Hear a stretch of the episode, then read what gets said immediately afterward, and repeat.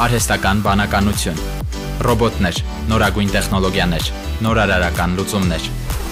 IT շփաթ Իմ ռադիոյի եթերում։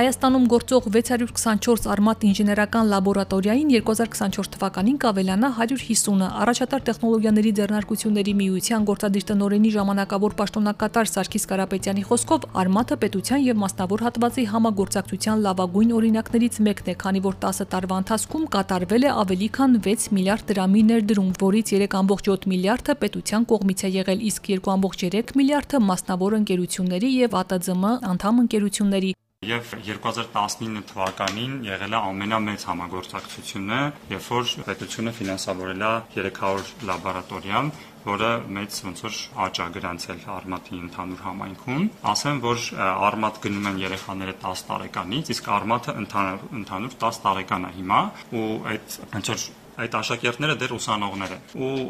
2019 թվականի այդ մեծ արագ աճից հետո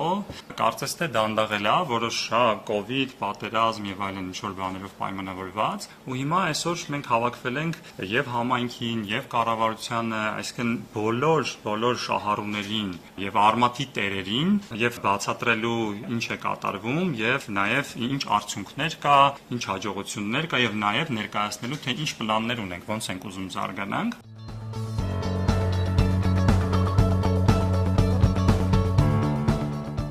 Նախագիծն արտահանվել է նաև 7 պետություն, այդ թվում ԱՄՆ, Ֆրանսիա, Քուվեյթ։ Արմատ աշխատանոցները բարձրակարգ կադրեր են պատրաստում բուհերի, հետո էլ տեղեկատվական տեխնոլոգիաների ոլորտում աշխատող ընկերությունների համար։ Արլուպա ընկերության համահիմնադիր եւ տնօրեն առաջատար տեխնոլոգիաների ձեռնարկությունների միության խորհրդի անդամ Արման Աթոյանը նշեց, որ Արմատն ավարտածներից շատերը նաև իրենց ընկերություններն են բացում եւ նպաստում Հայաստանի մարզերի զարգացմանը։ Կարևոր է մի փոքր ակնարկ կանել ի սկզբանե աղբյուրներին, թե ոնց էր Արմատը առաջանում, երբ որ 2000 10-11 թվականներին Լուսահոգի Կարեն Վարդանյանի հետ երբ որ բարբերաբար քննարկումներ էր լինում եւ համայնքը հասկանում էր, որ այս աճի տեմպերը բերելու են այն խնդրին, որ մի քանի տարի հետո համայնքում առաջանալու է կադրային սով։ Այդ ժամանակվանից արդեն հստակ ռազմավարություն կար ԱՏԶՄ-ում, որ հարկավոր է ստեղծել արմատ լաբորատորիաները, որոնք լուծեն մի շարք խնդիրներ։ Մի քանիսը թվարկեմ, որպեսզի པարզ լինի։ Ուրեմն առաջինը դա մարզային զարգացումն էր։ Մենք թվերից հասկացանք, որ լաբորատորիաների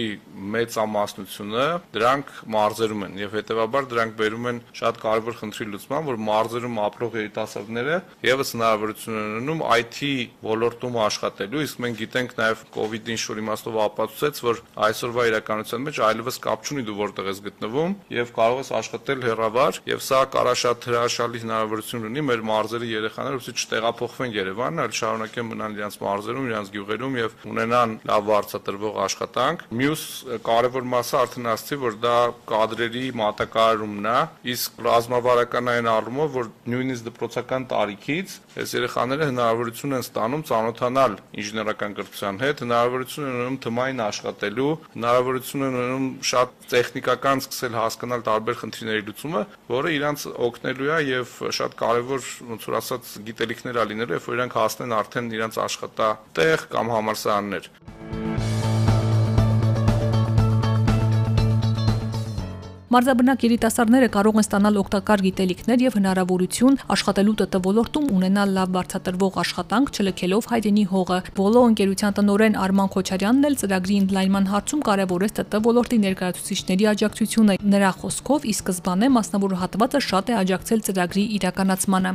ավելի քան 80 կազմակերպություն այսօրվա դրությամբ, ինչպես նաև մեր կազմակերպությունը, արմնշեց իրենց կազմակերպությունը, արդեն պտուղները դրա քաղում են, այսինքն մենք արդեն ունենք մեզ մոտ աշխատող մարդիկ, որոնք ֆանտաստիկ արդյունք են տալիս եւ ես փորձեմ այդտեղ միատել թվային զուգահեռ տանեմ, հա, գործառնական ծախսերը, օպերացիոն ծախսերը այսօրվա դրությամբ աշխատավարձային մասով հիմնականում հոգում է պետությունը։ Մենք այսօր ունենք 17200 աշակերտ, որոնք անցնում են արմատ լաբորատորիաներով։ Մենք թեթև հաշվարկաներով հասկացանք, որ մեր կազմակերպություններում աշխատող ամեն մի փորձառու ծրագրավորող մեկ ամսվա եկամտահարկով վճարում է մեկ աշակերտի ամբողջ ուսման օպերացիոն ներդրումը։ Այսինքն մեկ ծրագրավորողի մեկ ամսվա եկամտահարկը փակում է։